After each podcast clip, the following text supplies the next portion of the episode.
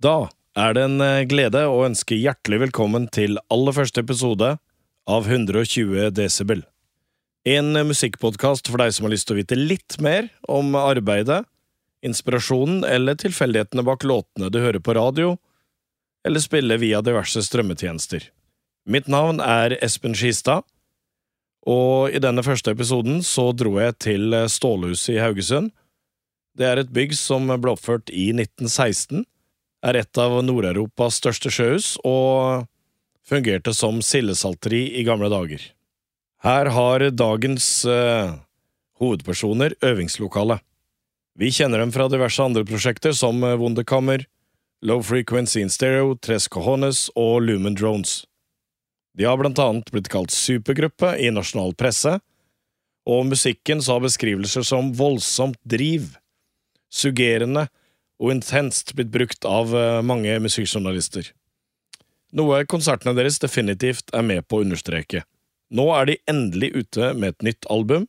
120 Decibel har altså vært så heldige å få audiens hos Ørjan Haaland, Per Steinar Lie og Pål Jackman. Og sammen utgjør de Undergrunnen.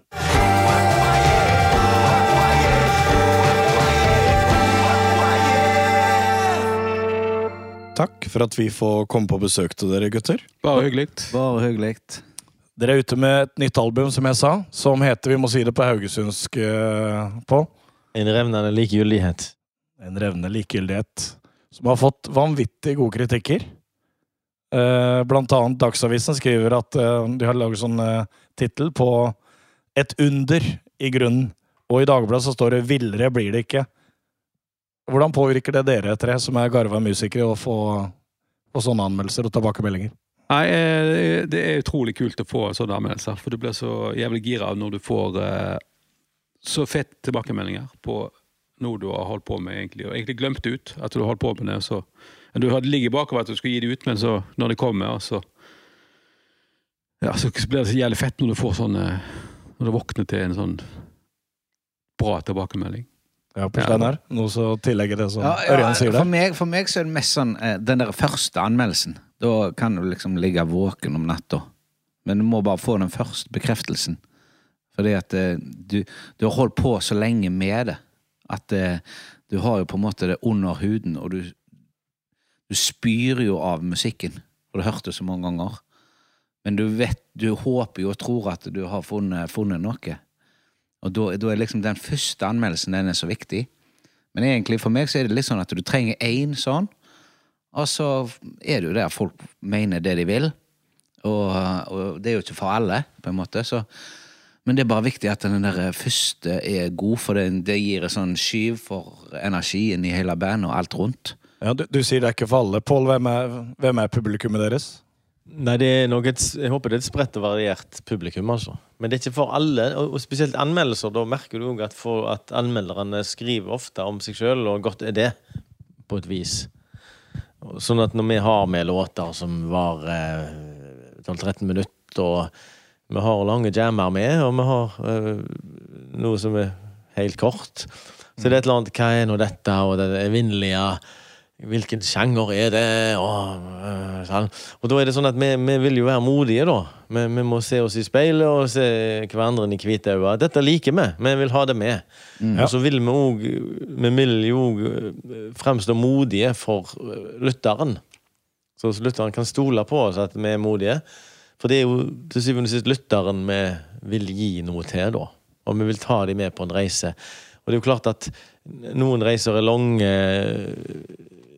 rotete, men, men organiske, og, noen er repetitive. Og for meg vi søker en viss ekstase i det. Og det er ikke for alle, det, rett og slett. Fordi det er ikke sånn dagens popmusikk nødvendigvis er. Dagens popmusikk nødvendigvis er. sant? Så, så vi holder jo ikke på med det. Så, men vi må, vi må, noen vil ha noe annet, og vi vil gi noe annet. Holde på med noe annet. Og vi, så da det, da er det jo Da vet vi at vi vi har vært modige. Og da er det faktisk overraskende å få så gode anmeldelser på det. Det er helt kjekt. Da er det ekstra gøy. Herregud. Ja, det, det, det er akkurat det jeg mener. At uh, det er liksom, Du må treffe med den anmelderen nå, skal du få den gode anmeldelsen. Ja, ja. Ja, er det, ja, jeg bare spør om det. Er dere bevisste på det? Eller plateselskapet? nei, Vi, vi lager jo ikke låter for anmeldere. Nei, nei. det må, hvis du gjør det, så må du jo altså begynne med noe annet. Ja. Nei, nei, vi lager, vi lager jo det vi, liker, og, men vi, vi er jo vi er selvfølgelig vi er jo viktig for oss at andre liker det. Men altså, det, nå, det er ikke lett å sette dere i bås, da. Men så har jeg plukka litt fram noe som dere har sagt sjøl. Påvirka. Altså, det er 60-talls psykedelika. Det er eh, afrobeat. Det er jazz. Og det er minimalistisk new wave. Altså for de som er litt grønne innafor dette her. Begynn med afrobeat, da. Hvem har lyst til å si noe? Nei, altså eh, Det går litt på at utgangspunktet i, i gruppa var jo at eh, meg og Ørjan kom med fra minimalistisk eh, postrock eh, med enkle, enkle toner og Da snakker vi low frequency. ja, i low stereo. frequency in stereo. Og Paul kom med liksom med mye mer fantasi og meloditeft og, og en sånn innflytelse utenfra, da. Så sier jeg at vi har hatt noen basis i europeisk rock. Men så kommer Pål som er mye mer har vært mye mer åpen for, for verden, da. Og det, det er ikke sånn at vi spiller afrobeat, men på en måte den krysningen med, med den der uh, minimalistiske greia våre, som er repet, repetativ. Og så får du den, eh, det krydderet med Pål oppå, så, så kan det ha et sånn snev av at det ligner. Kanskje. Uten at det er det. Det er ikke bevisst. Nei, det, det, det skal aldri være en Jeg mener jo at eh, altså, for, for afrobeat Hvis jeg kan forklare hva afrobeat er, så vet ikke om jeg er klarer det, det, det, når, når afrikanerne hører på På eh, amerikansk funk og, og lager sin versjon om et sånt sånn og de hører på afrikansk igjen, så, så, sånn, sånn skjer jo en utveksling mellom musikk, da. Jeg har hørt på afrikansk musikk Altså ikke afrobeat, på en måte. Jeg har hørt på afrikansk musikk mye. Og jeg har selv spilt i et band for Elfenbenskysten, og Per Steinar har også spilt og vært roadie. Så, så, så afrobeat er jo en slags kul versjon, samlebegrep. Jeg er ikke sikker på hva egentlig det er, men, men jeg har hørt på mye afrikansk musikk, som jeg har hørt på mye annen folkemusikk da.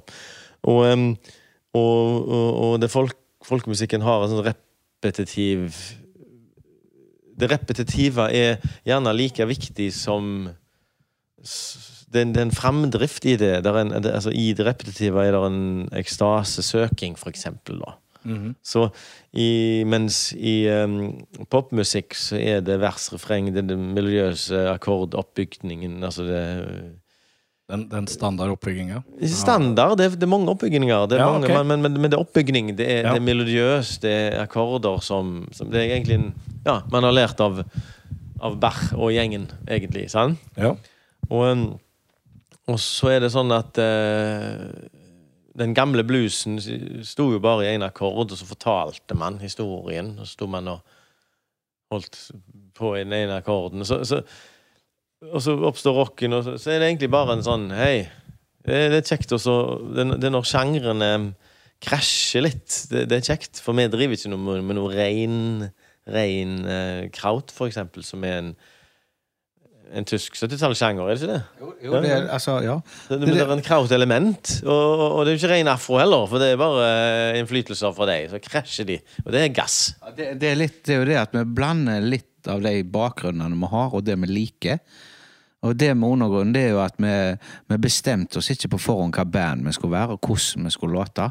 Det var veldig sånn intuitivt at vi, vi, vi begynte bare å spille, og så så vi hvor vi endte opp. Og jeg tror akkurat den der eh, eh, 60-talls psykedelia MC5-vibben, det var jo liksom akkurat Da var det plutselig bare en, en Altså Den energien vi hadde, den passet himla bra med klipp som vi fant på YouTube akkurat der og da. Så har det bare, hengt, med, så har det bare hengt med oss, Det liksom. Ja, Ja, ja, Så enkelt er det. Ja. Men, men, men, men vi ser jo at ja, søren, ja, hvorfor ikke? Det er jo dritfett. Men eh, det er ikke noe sånn vi har prøvd å være noe. Vi har ingenting som har prøvd oss å være noe. Ja, ja, med, unntak av et par låter der vi sier OK, utfordre oss sjøl. Vi prøver å lage en sånn, da. La oss la- vers-refrenglåt. Vi skal lage vers-refrenglåt, så gjorde vi det. Vi skal lage en rolig låt. Vi skal spille på Lage festival. Jazzfestival. Vi må ha en rolig Rolig eh.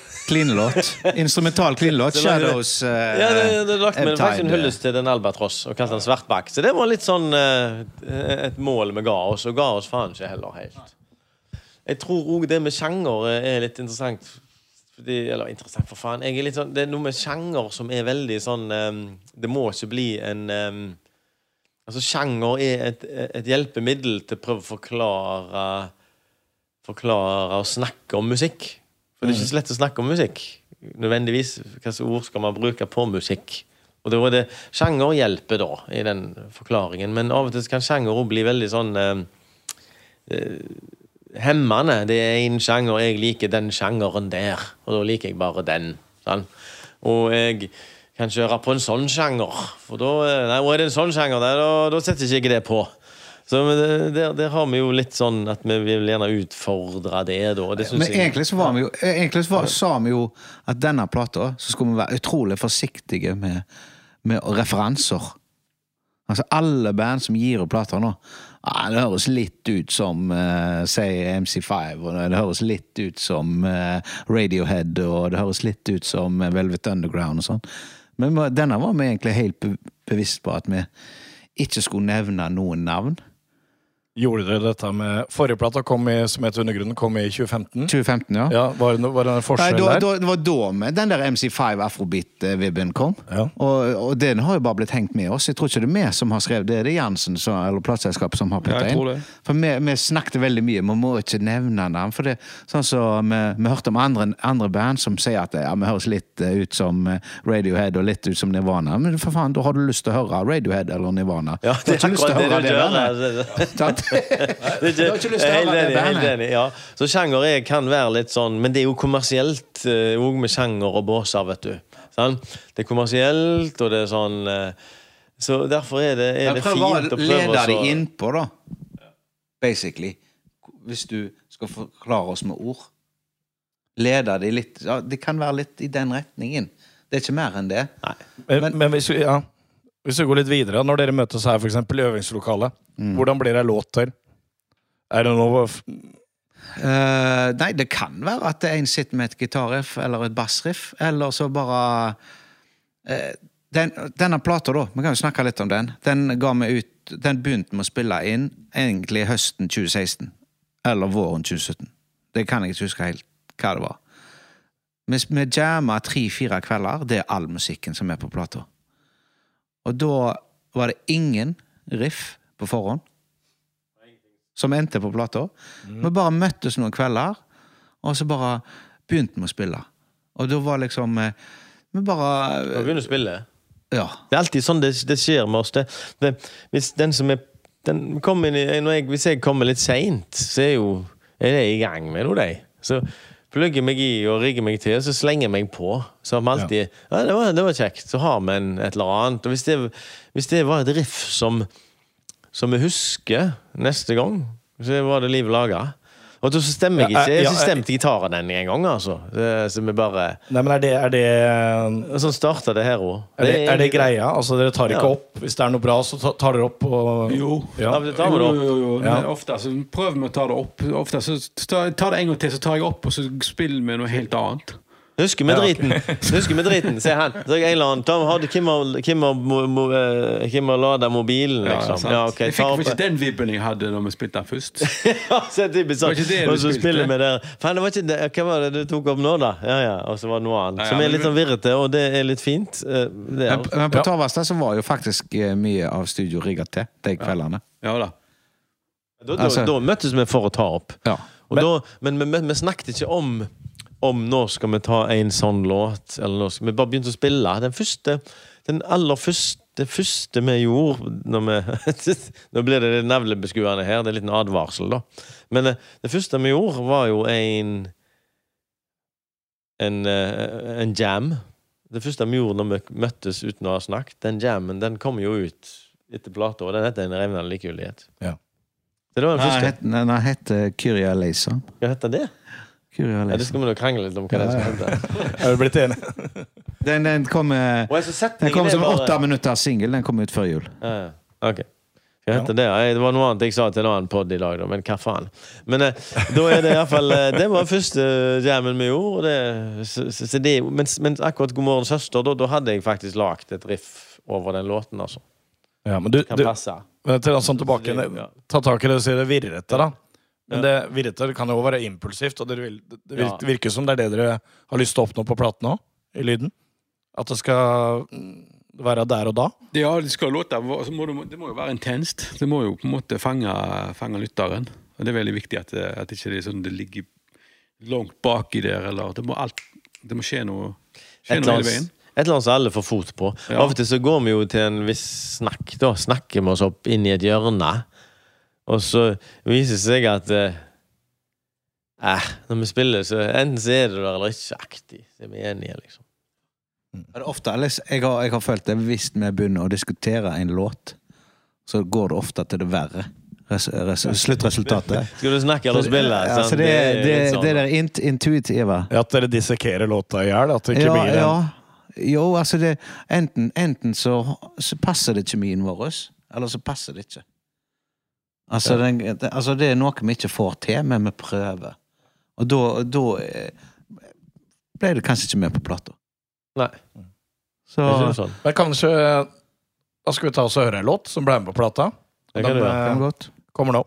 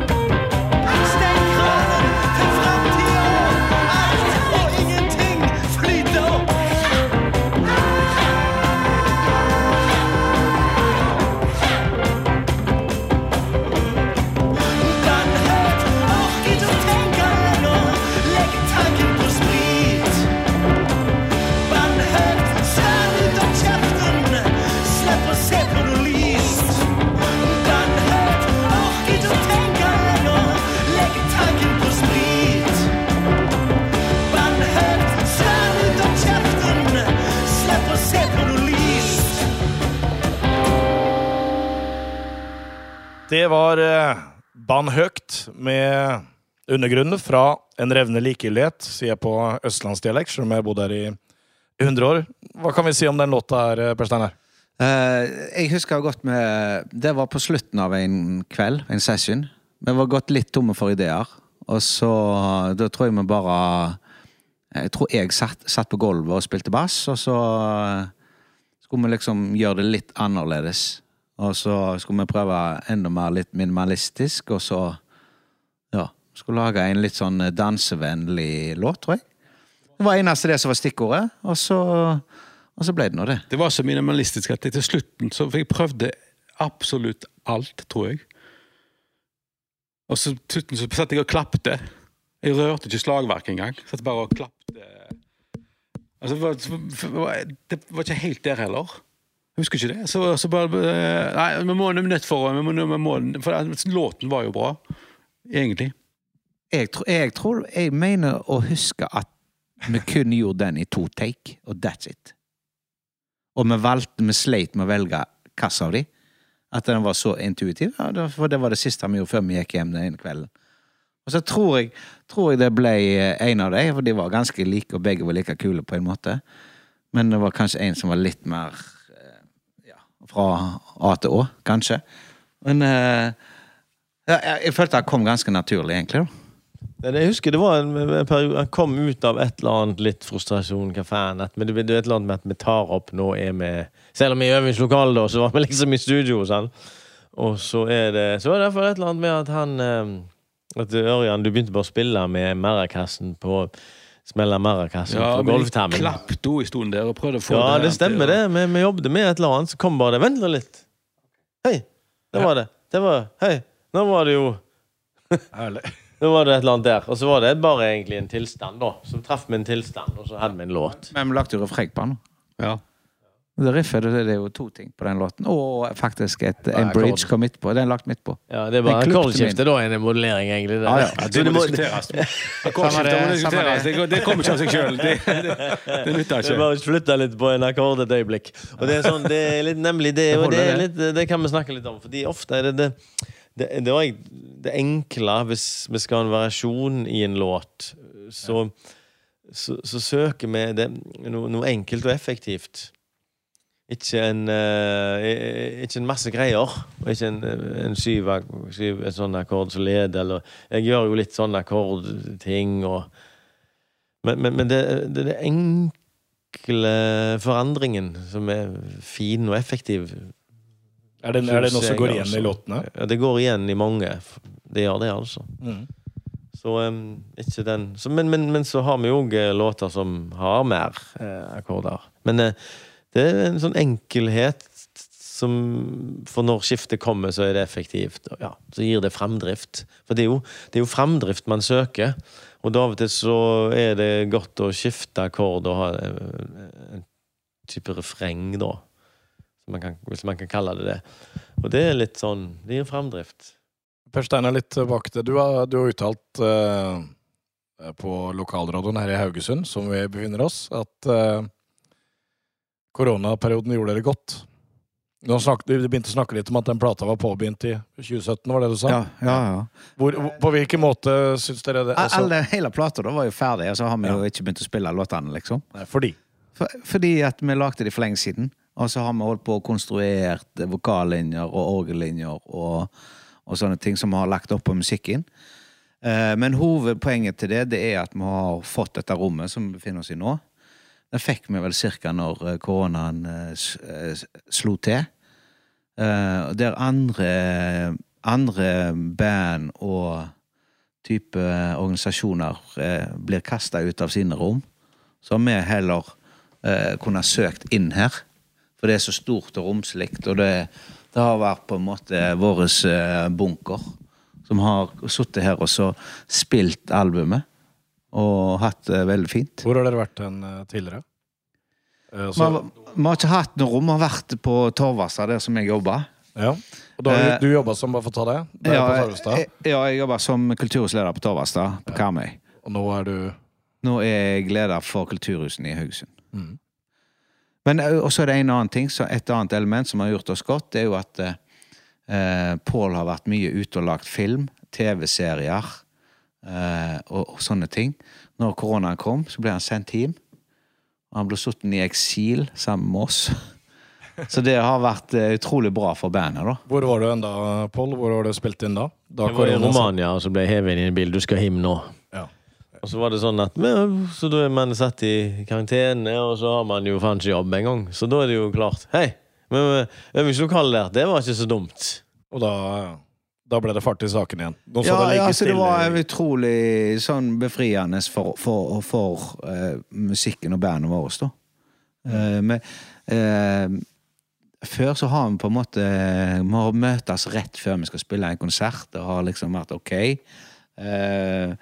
Og, så, og så spiller vi konserten, så blir det en sånn superstunt. Mens nå så har vi på en måte fått ja, opp- og nedturer, for Ørjan har jo ødelagt skuldra, så vi har øvd inn eh, Morten Jackman på trommer og Hanne Andersen på, på orgel. Morten er da bror av Pål. Ja. For de som eh, ikke er Haugesundere, Ja, ja, kjenner ja. eh, godt til dette. Og, Ja. og, og, og så på en måte vi har liksom gått gjennom masse opp- og nedturer den, den siste tida, selv om vi har vært her. Men jeg tror jo uansett så har det gjort oss til et sånn mye mer strong eh, unity, da. Vi har vært samla hele veien. liksom. Ja. Vi har vært lett tilgjengelige for hverandre altså som band. på en måte. Så Det er bra. Jeg har vel aldri opplevd det før. Nei. Det er vanlig bandaktig. Det Det er vanlig band. Det vanlig band. Det trenger ikke- det å bli kjedelig. Vi kan jo, ja, ja, vi kan jo drikke øl eh, uten, Vi kan jo møtes uten å, uten å øve, liksom. Drikke øl. Eller så er det jo å reise fra Romania og Oslo og Alltid vært sånn med oss. Alltid.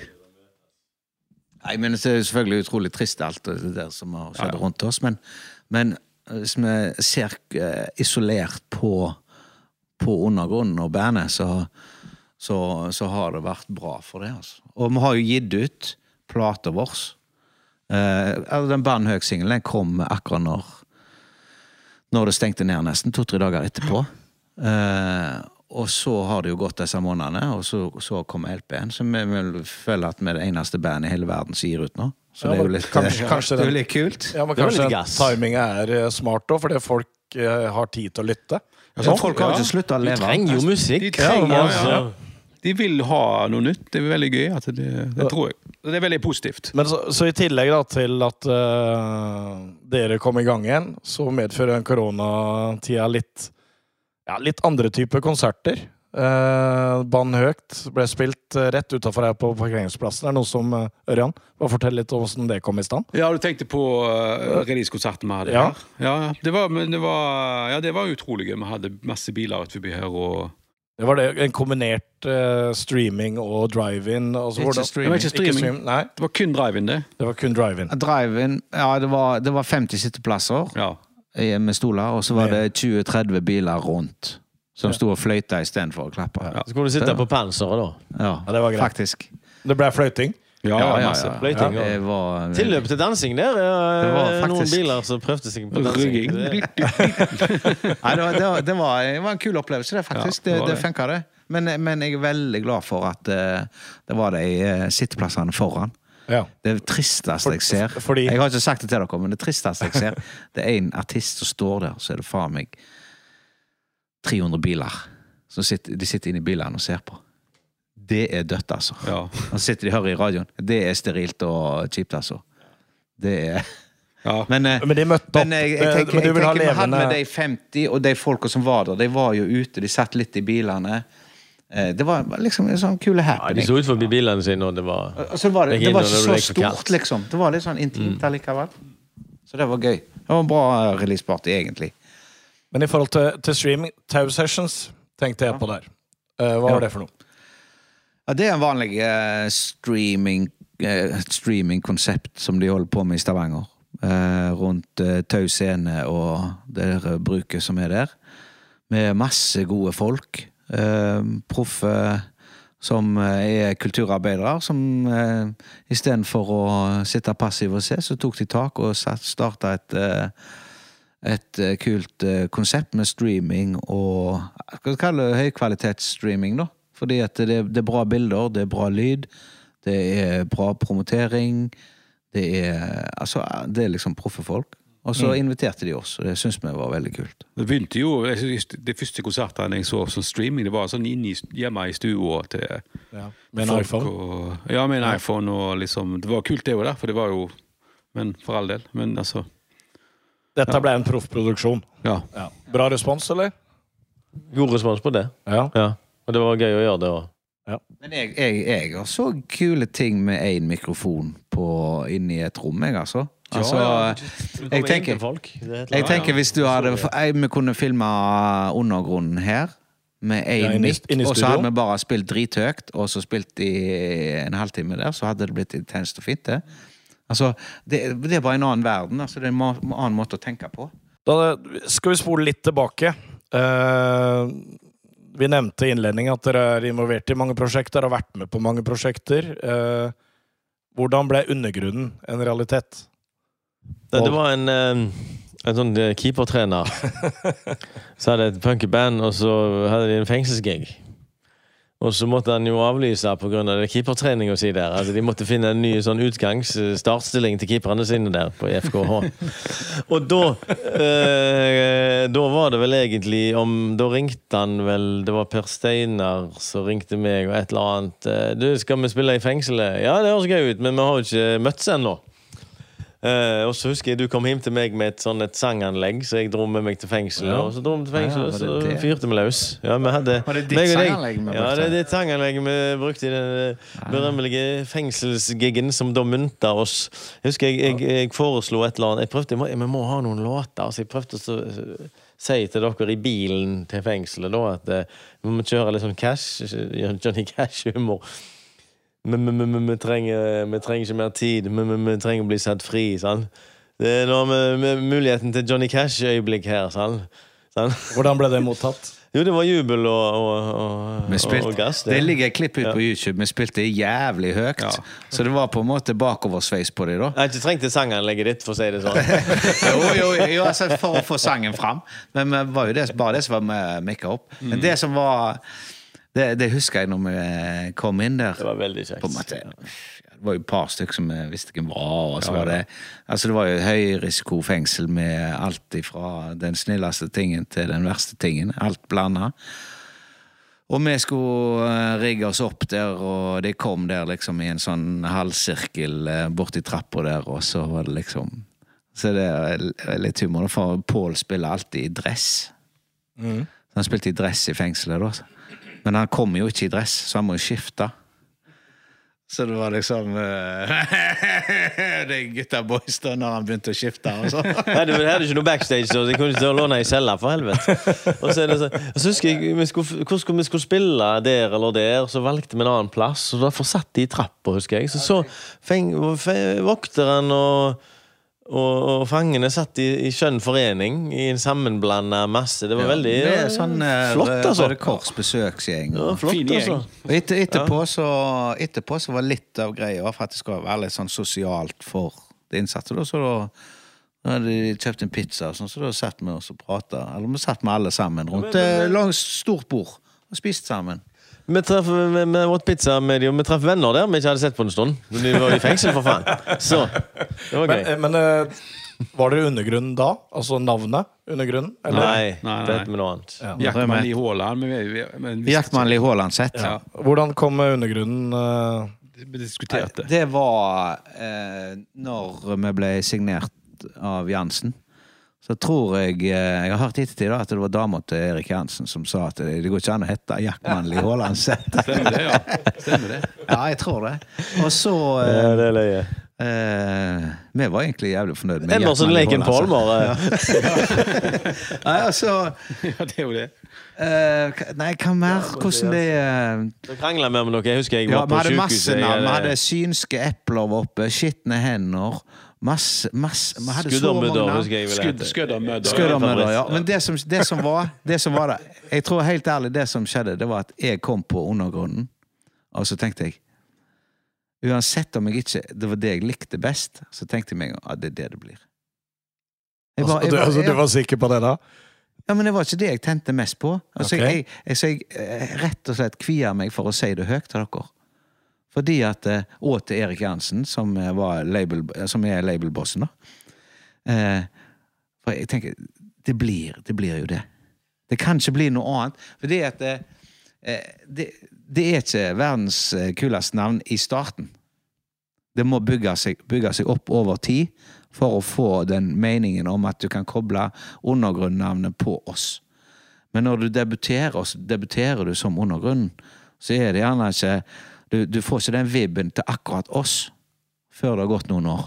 Så nå, nå passer det bra. Du lader jo et navn. altså de heter jo, altså Du har punkebandet Kjøtt, og du har Ja. Police med Stink i spissen. Nasjonalteater. Altså, du tenker ikke på politiet da, gjør du det? Nei, du gjør ikke det, gitt. de der. Og, og nå tenker du på undergrunnen. Nå er det en sånn, nei, du tenker på de idiotene der. Så det er jo litt pompøst å stikke av med undergrunnen-navnet og kalle seg det. Og da husker jeg Per Steinar skal vi hive noen tødler på det. Sånn Husker du humor? Tødler, ja, det er løye, tenkte jeg. Det, tenkte jeg, det er så passe fjollete. Da plutselig tenkte jeg ja, med tødler, da blir det gass. Det der. Da er det en lite sånn der eh, altså, Tødler som ikke har noe med saken å gjøre. Det er gass. Husker du Motley Crue? Ja, husker du Motley Crue? Der har du det. To, eh, Heavy tødler. Det er løye. Men det beste var jo anmeldelsen vi fikk. Fordi at det, det finnes jo så mange sjangre og, og greier. sant? Så tror jeg vi, vi solgte inn et eller annet for løye en gang. Så kalte vi Vi spilte tøddelrock. Tøddelrock. Og det er jo ingenting som heter. Det er ingenting som heter tøddelrock. Og så ser vi liksom i, i aviser og sånn etterpå ja, de, de spiller en blanding av afrobeat og tøddel, tysk, Ja, tysk tøddelrock. Tysk tøddelrock. Så det er gass. Men gotiske tødler, det, det måtte vi ha inn der. hvorfor ble det på dialekt? Det er fordi det er naturlig å synge nærme Vi synger jo om Burmaveien, og Ja. altså det er nærme oss. Sånn. Burmaveien er ute på Karmøy, for de som ikke er eh, kjent geografisk. Ja, det er et stykke. Vi må, du må kjøre eh, 40 Altså hvis du kjører spørs hvor fort du kjører. Men når du kommer på Burmaveien, så, så det, får du veldig god fartsfølelse da. Der på den veien. For den er jo grus. Og, Ja. Og så fra, ja, forrige plate, låt som heter Blokkunge. ja. Altså, det handler om eh, blokkene i byen, i Haugesund. Garpasjer. Jo, men, sam, ja, men samtidig så all, du kan, Det er en tilstand. Jeg, jeg, jeg, det, det, det, uansett hvor du bor, Ja. så, så, så har alle en sånn vei. Alle har en sånn i blokk, alle har en sånn kai Jeg vokste opp i Høy Torstrup. i Danmark. Ja, ja. Ja, ok. Så det er Det det. må man lage en sang om. Ja, det er blokkunge, det, for helvete. ha er ikke, er ikke blokken i Haugesund, det? Jo da, det er i Haugesund nå. Jeg bodde i mange blokk i Jeg bodde i blokk i, i Haugesund nå. Bodd mye i blokk, jeg. Ja. Så, men nok om det. Så, så, så dialekt, hvorfor skulle det ikke Hva skulle det ellers vært, tenker jeg. Nei, Spørsmålet kommer fordi at uh, både Low Frequency har vært uh, Ja, hovedsakelig engelsk og instrumentalt, og, Ja. og Wunderkammer uh, Vi sang på engelsk tidligere, ja. Ja. Det er selvfølgelig, og tysk og Nei, det er vel, eh, det er vel klart at uh, dialekten om det var bevisst, eller om det bare ble sånn. Det var litt sånn eh, Jeg tror det var med Diskuterte vel han uh, Gjorde vi ikke det? Jeg kan ikke huske det. Jeg, jeg syns iallfall at vi skulle det, eller jeg, jeg skulle synge mest, antagelig. Og så begynte nå bare på det. Og Det syntes jeg var litt nærmere. Og, for det er eksotisk, skjønner du, eh, på et vis eksotisk. Og så når du da henter mye sånn ba, ba, ba, da, ba, ba, øh, Du henter gjerne litt, inn- litt uh, eksotika inn fra sjøfolkene sine sydenturer, da. Sant? Så må du jo eh, Da hjelper det å synge på dialekt for å veie opp. Men eh, i forhold til dere, dere, dere funker jo, dere sitter her og koser dere, dere funker godt sammen. Bare har lyst til å høre Ørjan, hva gir Pål til undergrunnen? Altså hva tilfører han musikalsk? Han er jo et fyrverkeri av en gitarist, da. Så det Ja. På scenen, da? På scenen så er han jo uh, Hva skal jeg si? Nei. Jeg har ikke ord. Nei. Men han, er, han står ikke stille på scenen, det sånn. fyrverkeri der, da. Men Pål Pål er jo energibunt, så han er jo liksom Han er, han er full on hele veien. Ja. Pål, da? Om Per Steinar? Det er det samme. Det, altså, det var den første gangen vi, vi øvde, så var det skal vi snakke eller spille. og sånn. Husker jeg De satt der og, i sola, og så kom jeg med en bil og heiv, ut noe anlegg. og Heiv ut en gitar og en forsterker, og jeg bare spille. Og så bare begynte vi. Så var det sånn, ja, dette var kjekt. Det var veldig kjekt å Det var, det var alltid en rytmikk der. Mm. Det var, en, det var en energi. Og um, så, så hvis jeg skal analysere litt det, kan, så er det en enorm sånn uh, Det er mye altså Bassen til Per Steinar er jo et måltid i, i frekvenser, det, altså. Det er jo Og den går, men den går som en, en veldig flott motoro, da. Sånn. Sånn, den har liksom en sånn eh, Altså, du, du, du, jeg tror ikke det er mange publikummer, publikummer som tenker at de skal stikke opp og så hive han ned fra den scenen. Men det den bassen det, det, Nei, det, det, det, det, der må du få legge fra deg. Men Per Steinar, da? Om eh, du har Men, med Ørjan, da? Ørjan, eh, Vi snakker om Ørjan nå, for faen. begge to. Det, nå kommer vi til Ørjan. Det kan egentlig både du, Pål, og Per Steinar si noe om Ørjan. Ja, ja, ja. For da, da har du en sånn Ørjan mener jeg har en eh, Der er det en lekenhet og en, en, en riffe på trommene. Ja. Og, og det er alltid noe å å riffe til. da. Ja, er det noe som- ja, det er noe som dere kan ta tak i lett? Så føler jeg finner riffet for, for, På scenen av et riff, så finner jeg et riff egentlig i, i tromminga. I så spillinga til Ørjan. Ja. Altså, altså Ørjan er utrolig musikalsk, da. Han er en, det er liksom veldig sånn eh, intuitiv på, på, på responderinga på det vi andre gjør. Mm. Han går inn og, og treffer ikke på én, han treffer på to. Og på en måte det, det er veldig viktig for musikkuttrykket vårt, da. Det som eh, Ørjan leverer. Så det er orgel, altså Altså, det er på en måte Det, det, det lille ekstra er på en måte Sier at eh, jeg er gjerne det som Kjører gjør eh, at jeg kan eh, fyre litt løs på krydderet. Mm. Mens jeg eh, holder de litt i taulene. Han er jo midtbanespiller. Og vi, vi, har alltid sagt hvis vi skulle holde lagt band, meg og Ørjan, så hadde vi sittet på Captains End og snakket om bandet vi skulle lagt. Ja. Sant? Men nå, nå, Ørjan, nå, nå er du skada akkurat nå, så da Ja, nå- det er jeg. Jeg brakk, jeg brakk skuldra i fjor, så jeg har uh, hatt nettopp uh, Jeg har hatt nylig operasjon. Hva fikk du gjort da under konserten her uh, ute på Jeg satt jeg har prøvd å få armen i fatle da, og så låse den, men jeg var litt for ivrig. Okay. Gikk på en smell, så jeg kunne ikke bli med til Stavanger på, på lørdagen. Nei, men du spilte her ute på parkeringsplassen på På Solus, ja. På Ja. Hva Så- spilte du da? Da spilte jeg Park. Ja. Det ble litt for, Ja. Jeg hadde litt trommer. Og- trommer, på en måte. og det ble litt for heftig akkurat der. Ja. Ja. Jeg klarte ikke å Ja, jeg ble litt ivrig. Men nå skal vi høre et eksempel på hvordan dere utfyller hverandre. Eh, Vi skal høre på Start, ny stopp. Eh, Hva kan dere si om den?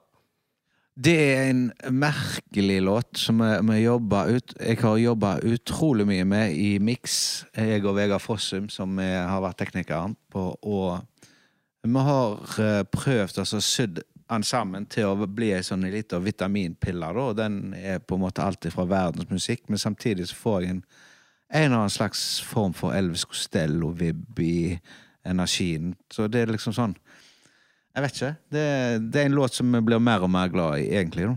Det har vært vanskelig. Ja, den, den første gang vi spilte, det var, det var, jeg mener det var det Vossa. eh, Vossa, ja. vi- vi spilte Vossa Jam. Vossa Jam er det, Vi, ja. vi spilte på Fritzels kjeller eh, i, eh, på Voss.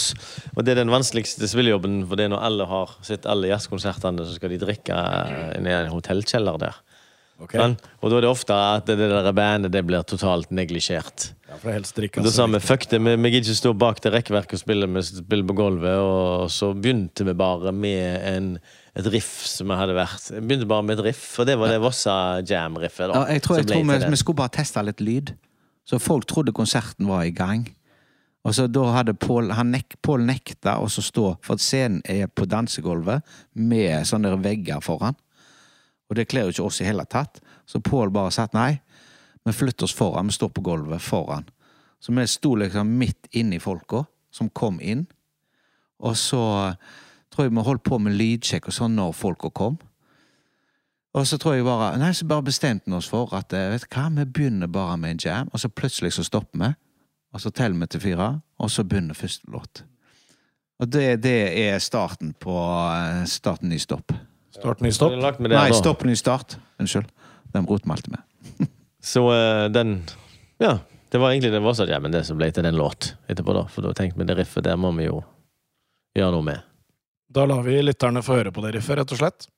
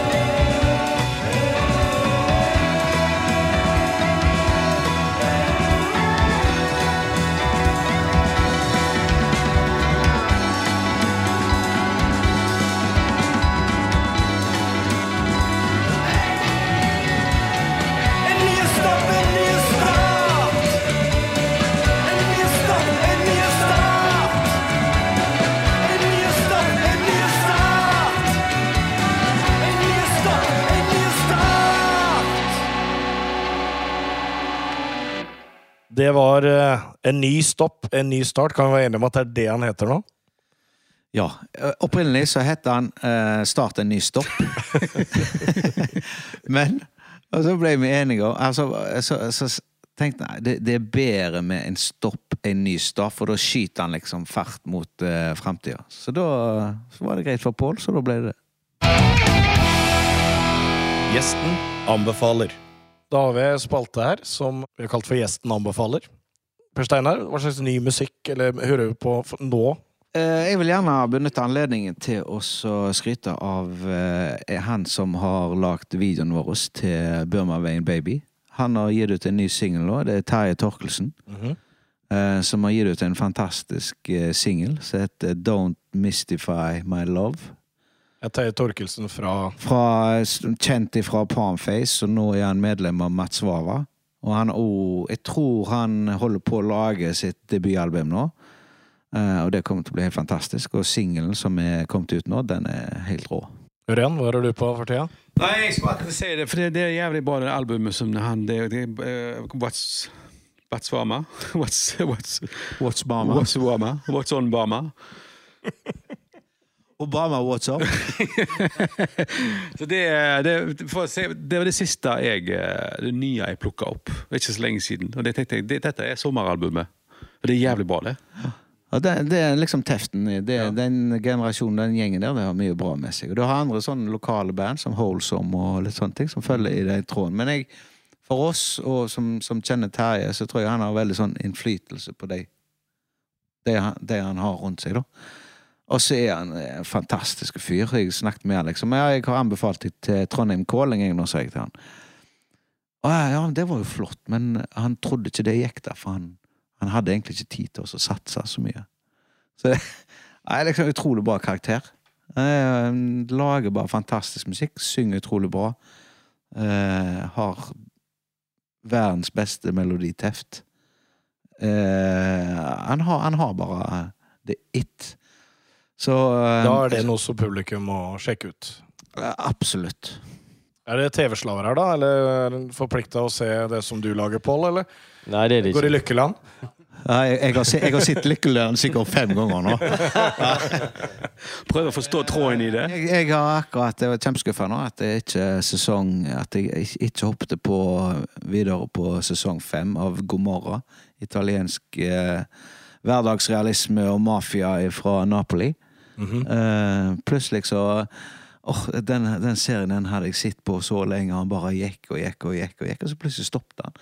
Satt jeg hver gang jeg skulle Så var episoden kom ikke, kom ikke lenger. Så nå må jeg vente et år til neste sesong.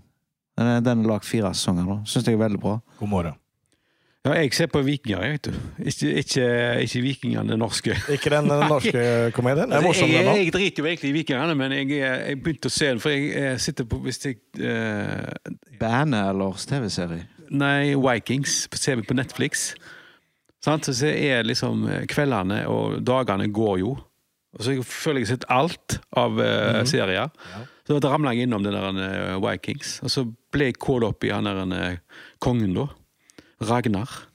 Og så får han en sønn, og så, og så, sant? Og så blir det litt sånn Hva blir det av han, da, tenkte jeg. Og så bare baller det på seg. Da har jeg sittet sikkert fem eh, sesonger. Så nå er det to sesonger igjen, så jeg sitter egentlig og spinner til å komme meg hjem for å se God følelse, At du har to sesonger igjen, ja? Ja. Pål, hvor er du i dette bildet her? Jeg begynte å se på en i En i går, faktisk. jeg. Jeg uh, I Know This Much Is True. Ja. er- Jeg har sett mest på polsk og, og russisk. Ser så mye amerikansk og engelsk og alt det der. Norsk. Så plutselig må du Ja. se Men plutselig så, så var denne, altså. Den, så, men jeg har ikke sett mer enn halvannen episode, men jeg kjente bare Den Det var gass. Den er dritbra. Den, jeg sett, det, det er tre episoder som ligger ute nå. Og det var akkurat samme feelingen. Altså, jeg skulle sett deg på episode fire. Han, han kan ikke slutte nå. Han kan ikke være slutt. Men så er det det at han, han kommer jo ut samtidig i hele verden. Og de gir ut én og én episode. Men det er jo liksom Jeg, satt og, jeg og, jeg og Lille Harriet vi satt og så på det, og så var det sånn Herregud, dette, dette er jo skikkelige greier. Det er, liksom, det er liksom ikke noe som bare er, er lagd for at det skal fenge folk. Men dette er jo Det var det min gode, min gode venn Oliver Holbrugger som sa til meg «Eh, Forresten, her, det, hvis du har en sånn dårlig dag, så se den. Eh, For de der har, har så mye problemer, da kjenner du at ditt liv er ikke så galt likevel. 120 desibel. Tilbake igjen til bandet nå. Undergrunnen, dere har et publikum her i Haugesund eller på Haugalandet. Hvordan, eh, Dere snakka litt om Voss. Hvordan er det ellers i landet, eller for så vidt utafor landet? Hvordan eh, har det blitt mottatt der? Nei, det begynner jo å komme seg. Eh, vi, har jo begynt, vi har jo spilt en del uh, opp gjennom i siste, siste året og sånn som det. Og det, det, det er livekonserter som er på en måte viktige for oss å gjøre, da. Mm. Uh, og selvfølgelig at vi er jo på disse her Spotify og, og sånne ting, men eh, det er liksom det å møte folk andre plasser, det er alltid kult. Uh, og vi Men hvor, hvor har noen, er det noe som altså Er det Vestlandet som gjelder, eller er det like Vi har spilt masse i Stavanger, vi har spilt masse i Bergen, og vi har spilt eh, Stavanger har vi spilt masse i. Ja. Vi har spilt masse på Sementen og på Martinique. Martinique og Ja. Spiller Har vi spilt på Tau utenom Tau Sessions? Nei. Nei. Ut, utlandet, da? Har dere vært eh, Det Ål- Århus, Det mest. Danmark og Belgia. Ja, fortell litt. Nei, vi har eh, spilt i ikke Belgia. København Vi har og spilt i Sveits. Hvordan havna dere i Sveits? Nei, vi bare fikk en forespørsel om vi ville komme og bli flydd ned til Sveits og spille på en festival i Zürich. Var det det? Ja. Og da spilte spilte vi vel midt på dagen. eh, Selvfølgelig. Det, er liksom, det er knall sol inne, og der vi skal spille, det er det mørkeste hullet på hele Da er det inn på ungdomsklubben i det mørkeste kjelleren, og der skal undergrunnen spille. Det var gøy, det. Men det var veldig gøy, og vi, vi hang ut der den dagen og st- storkoste oss. Og, men det er jo det, vi synger jo på norsk, så um, Ja, men det er det jeg. Heldigvis så fikk jo Pål er jo en uh, racer på tysk, så, så det var jo kommunikasjon der. Det andre språket det, ditt. det og det var jo enormt med Det var faktisk en- enormt med respons. Ja, det var god humor. det det. Vi, vi tappa jo inn på den der sveitsiske skammen, da, med Ja. at de profiterte på krigen. Så de, de sa ikke spøk med Altså Når du kommer til en festival, så er det alltid lurt å snakke med de som henter deg, da, den bilen. Så finne ut hvem, hvem er sveitserne, liksom. Så, Ja. Hvem er nå de, og hva er lov å spøke med, ikke lov å spøke med, husker jeg. Det var, eh, penger, de var ikke så kule med å spøke med penger, altså. Det, var kjipt med penger. Men, men, men hva kunne Ja, alle spøke om putte penger i sveitsiske Altså, du, du må liksom ikke spøke om penger. Det var litt tabu å spøke om penger. Det, Hei, hallo, det er jo det sveitsiske kontoer, og eh, det er jo det det handler om her. Det var det første vi- gjør, da. Så det var det det, det gikk i, da, mellom låtene, da. Altså. Vi, jeg husker vi sa og så sånn vi- vi tenk- lommeknivene. Ja, så vi tenkte at vi, vi, Nå er vi jo her i Sveits, da. Og, Swiss Army Knife. hva, hva, altså, tenk når vi gjør sånn som som- vi må jo gjøre sånn som man gjør i Sveits. Når vi oppdager Sveits eh, og en bankkonto. Åpne en sånn hemmelig bankkonto. Hvordan gjør vi det? spurte vi publikum. Og de var jo i hundre. De elsket det. Men Hva, hva, kan de vente altså, når folk er på konsert med dere? Hva, nå, nå hadde du én måte å fenge det sveitsiske publikum på, bortsett fra musikken, men Jeg kan for, Hva- fortelle en gang når vi, vi spilte i, i, i Aalborg. Da, da Ja. spilte vi dagen før i, eh, i København, på Studenterhuset. Og det var en sånn totalt mislykka booking. Der eh, eh, vi får tilbud om å spille på Studenterhuset i København. Og så ja, kult, det er klart vi spiller der, og det skal være en sånn fest der. Og ja, det høres gøy ut. Og så, så når vi går på scenen, da, så er det liksom 50 meter til, til, til, til, til, til bordene, og alle sitter med ryggen til, og de tror at vi er sånn kjipt eh, coverband eller et eller annet sånn. Ja. Det er ingen som har et forhold til oss overhodet, da. Hva gjør Eh, dere da? Men, nei, det, nei den dagen faktisk, så, så når vi, vi, vi tenkte nei, vi bare begynner å spille, gi faen. Og så trakk det litt folk bort, men så plutselig så velta det inn med 10-15 av kompisene våre som vi hadde fra København den tida vi bodde der. Og på en måte så ble det liksom hele konserten en sånn stor fest da, med 30-40 mann der. Stemmer det? Eh, og så, så ble det litt sånn uh, sosialt etter konserten. Og så neste dag så skal vi spille i Aalborg, da. Og vi tenker jo, vi nordmenn tenker jo alltid at Den nei, det er jo lite. Det er bare å hoppe på toget, og så går det en times tid, og så er du i neste by, liksom. Men fant ut det at eh, fra København til Aalborg, da, så er det ganske lang togtur. Og hva skjedde? Nei, nei, det var, skjedde, det var vel ikke Det skjedde veldig Timing. Fint lite på toget, iallfall. Altså, det- Det skjedde veldig lite. Ja. Eh, det var noen som satt og, og lå og sov hele turen. Det tok jo seks timer eller noe sånt, den togturen.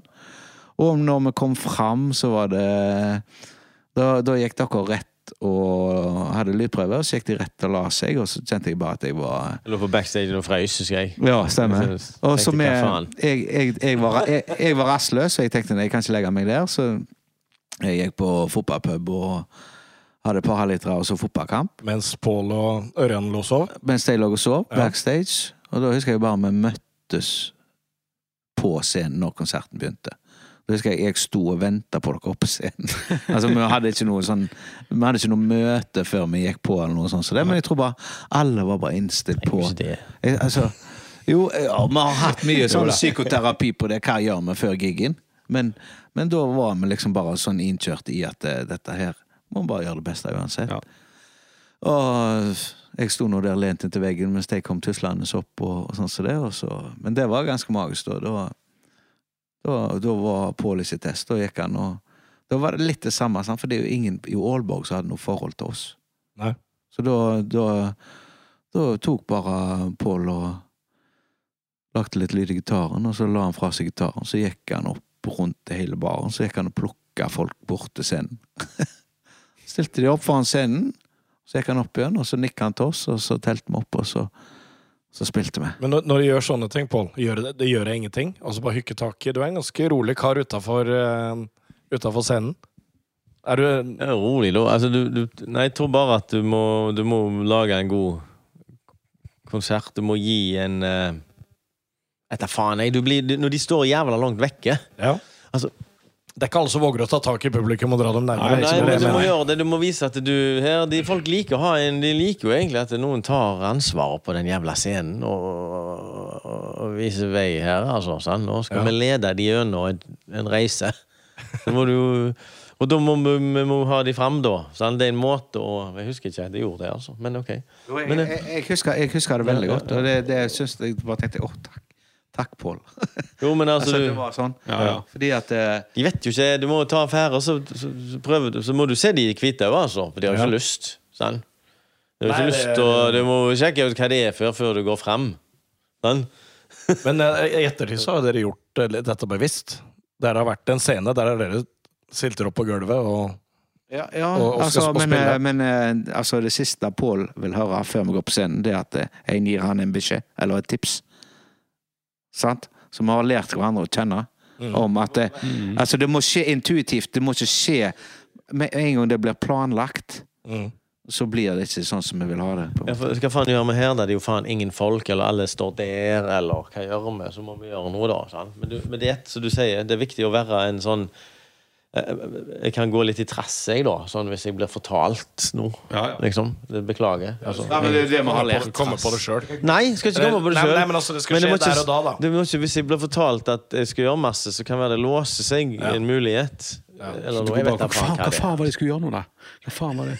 Jeg har, jeg har, gjort, det, jeg har gjort det samme en gang, da. Jeg, det er akkurat den Men da, da husker jeg vi, vi spilte i Brighton med Low Frequency in Stereo på eh, Hva heter den? Great Escape-festivalen. Og så var det Vi hadde med NRK-team med oss og fulgte oss, for de skulle lage en sånn reportasje om eh, et annet sånn Tuesday Girls, eller hva det heter. Sånn, som skulle liksom være sånn Lydverket, var ikke det? ja, Super Hotshots band på Warner, eller sånn stort eh, selskap. De, de fulgte deg på veien, og de ble jo flydd overalt, og alt var betalt for og sånne ting.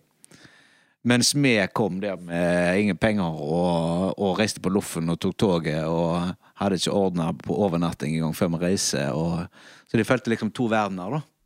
Mm. Eh, og, og når vi kom til den siste kvelden Vi spilte i London, husker jeg, med Surround Manesh og noen andre, midt i Camden der. Og så skulle de følge oss til, til, til Brighton, da. Og så skulle vi spille der, og da tok jeg en sånn Pål. Fordi at Ok, dette er siste sjansen. Nå er NRK her. De skal se konserten her. Det er faen ingen i dette rommet som har hørt om Low Frequency in Stereo. Og, de, de, og alle i det, det rommet der, det var der for å se bandet før oss eller etter oss. Men vi hadde NRK, med oss. Og da tenkte jeg, vet du hva, dette her, det kommer til å gå så ad undas. Hvis ikke noen tar et grep. For det er ingenting som er kjipere enn å ha med seg NRK, og det står et band, og de er alene i rommet. Så da husker jeg, jeg gikk til alle i den puben. Og sa please, kom og se oss nå. Vi går på scenen. Om med en gang disse er ferdig, så går vi på scenen med en gang. Og skal, vi skal jommen vise dere. Bare please, gi oss den sjansen. Eh, og jeg tror, hadde ikke jeg gjort det, akkurat tatt den der eh, ansvaret der, så, så, så hadde det vært en gedigen nedtur. Men det, altså, du må bare Du må bare skjønne hva situasjonen du er i. Du får ingenting gratis hvis du kommer der som et ukjent band. Altså, Ja, Hvordan var feeling? Altså Bedre respons blant de du henta ja, på? det, puben? ja, det, var, helt- det var helt sinnssykt. Og det bandet som nettopp hadde gått av scenen, de ble jo plutselig stående der. Og det er med venner på Facebook ennå, liksom. Og dette er jo 100 år siden. ja. Uh, så, så det var jo veldig sånn uh, bonding etterpå, da. De hadde sett og sett Det var jo helt vilt, sa de liksom at eh, For det, det var jo liksom trendy med dette her britpop, og alle bandene var, var jo enten Strokes eller Blur, sant, på en måte. Så, så kom vi med i dresser og spilte postrock, og, eller en minimalistisk eh, Med eksplosjoner der, liksom. Så eh, vi, vi skilte oss jo litt ut, da. Men det var akkurat den derre Jeg bare skjønte at denne kampen taper vi. Skjønner du? Hvis ikke jeg tar de ja. grepene, og jeg er dødssliten Kom med Og gamle det siste fotballgutten i vet du. Kapteinen. Ja, ja, men det siste plassen jeg har lyst til å være, det er her nå. Men hvis ikke jeg bare tar dette Nei, du må bare ta Ja, du må jo gi ja? Hvis ikke jeg gjør det, så så, øh, så har vi tapt. Så øh, ikke det Jeg vil ikke prøve å skryte, eller noe sånt, det, men det er bare sånn intuitivt at det, okay, jeg bare gjorde det. Når dere er på tur nå, tilbake igjen til undergrunnen, da. Ja. Hvem er hvem? Er det, noen som kan kalle seg organisatoren, eller hvem er surrekoppen? Er det Hvem er hvem i bandet her? Per Steinar er jo den som eh, er mest organisert i forhold til å ha styr på hvor vi skal, hvem vi skal til, og hvem vi skal ta kontakt med og, og sånne ting. Men eh, ehm, Det er jeg som har lyst til å være den mest uorganiserte, Ja. som blir den mest organiserte, eller største Du mener at utgangspunktet er Ja, altså Før, så, før så, så ga jeg jo blaffen. Da ville jeg bare inn i bussen og, og kjøre på, samme hvordan det, var- det var, liksom. Men eh, etter hvert som eh, årene har gått, og så jeg vet ikke jeg, så har det bare Det er jo en livsstil, dette her. Det er jo ikke noe tull. Så det er bare sånn, sånn jeg er. Ja. Så Det er dette du vil? Gjøre skikkelig? ja, jeg liker jo at ting er, er litt skikkelig, da. Men uh, ja, altså jeg, altså jeg hadde jo ikke vært uh, Jeg gjør ikke dette alene. Så, så jeg, jeg, for meg så er det viktig at vi er en gjeng. At det ikke er mitt prosjekt, selv om jeg organiserer en del. Men hvis jeg ikke får tilslag på dette, så gjør vi ikke ting. Fungerer det tett, tett eh, når du er tett på hverandre på tur? Fungerer det bra? Eller blir det leie veldig bra. Ja, det fungerer veldig bra, og, og, og alle er inn- in innforstått, ikke innforstått, med mm. at eh, folk trenger fem minutter for seg sjøl. Eller hvis det er noen Pål må sitt, så gjør han sitt. Mm. Det er ikke noe sånn at hvis eh, jeg, jeg må ha pause, så får jeg pause. Det det som det er digg med dette bandet. Det er ikke noe eh, Det er ikke noe sånn der Sånn skal vi gjøre det. Vi, vi, vi gir hverandre frihet, og vi, vi er jo individer som eh, Så vet vi at vi funker best hvis vi har det bra. Og så, så er det ikke sånn tvungen til at du skal gjøre det, du skal gjøre det, du skal gjøre det. det Men men når dere er undergrunnen, så er det jo en sånn egen sfære. Men dere er familiefolk alle sammen. Hvordan eh, funker det i forhold til å være musiker nå kontra da dere var 20? det, funker, det funker jo greit, for vi drar jo ikke på så lange turneer lenger. Sånn eh, sant? Så det, er- det er sånn type torsdag til fredag, søndag. Inni, innimellom? For oss, sant? Ja. Altså, nå er jo, er jo Pål midt inne i småbarnsfasen. Og det er jo helt klart mye verre situasjon. Altså, når vi slo gjennom med, med Low Frequency Stereo, så var jo ungene våre bitte små. Mm. Da var det jo beinhardt. Sant? Da var det jo eh, 14 dager i Tyskland. Det var ikke det kuleste du kunne eh, slå i bordet med hjemme da. Når eh, de var ett ett og to år gamle. sant? Men, men, eh, men vi eh, både meg og Ørjan fikk all støtte i den tida, så det er vi evig takknemlige for. Og Pål er i samme situasjon nå. Hvor gamle er dine det- to yngste nå? Nei, de, de er er fem og seks. Fem og seks, ja. Ja. Og du, innimellom eh, spilling her, så er du på oppdrag når det gjelder eh, Det er fil sant? filming òg. Ja, det, det er jo vet jobb òg. Vi tjener jo penger Ja. òg. Så det er, det er jo jobb òg. Mm. Så det, det er ikke sånn at Ørjan til det vanlige, hva det jobber du med? når har vi har sagt at det her er eh, Jeg jobber på Bring. Ja, Posten Bring. Da heter det jo Nettverk Norge. ja. Og det kommer fram? Det kommer fram. Det er viktig. Helt klart. Det viktigste. You bet. Oh yes. Nei da, men det er jo en, eh, det er en kabal som skal gå opp, tenker Det er jeg på. Men det er litt sånn eh, det, det er litt sånn Alle musikere gjør noe annet enn å bare spille musikk. Det er veldig få. Altså sånn, så Mange som tror at ja, han er jo lager jo film, så han er jo egentlig det. Eller han er jo postmann, eller sant. Han er det. Men alle musikere, de, de som eh, spiller mye, det er jo bartender når de er hjemme. Altså, alle har jo jobber. Mm. Så det, det er liksom den der gamle greia med at eh, de er musikere. Det er veldig få som er det, da. Få som kan leve av det på fulltid. Ja, ja, eller kan leve, eller som velger å leve. Altså Mange som velger å leve, de kan sikkert spille mer òg, men de Ja, eller jeg, tror Jeg kjenner en del som, som er musikere Mhm. på heltid, altså. Det gjør jeg, og, og, og jobber med mange, så er det. Men de er gjerne flere musikalske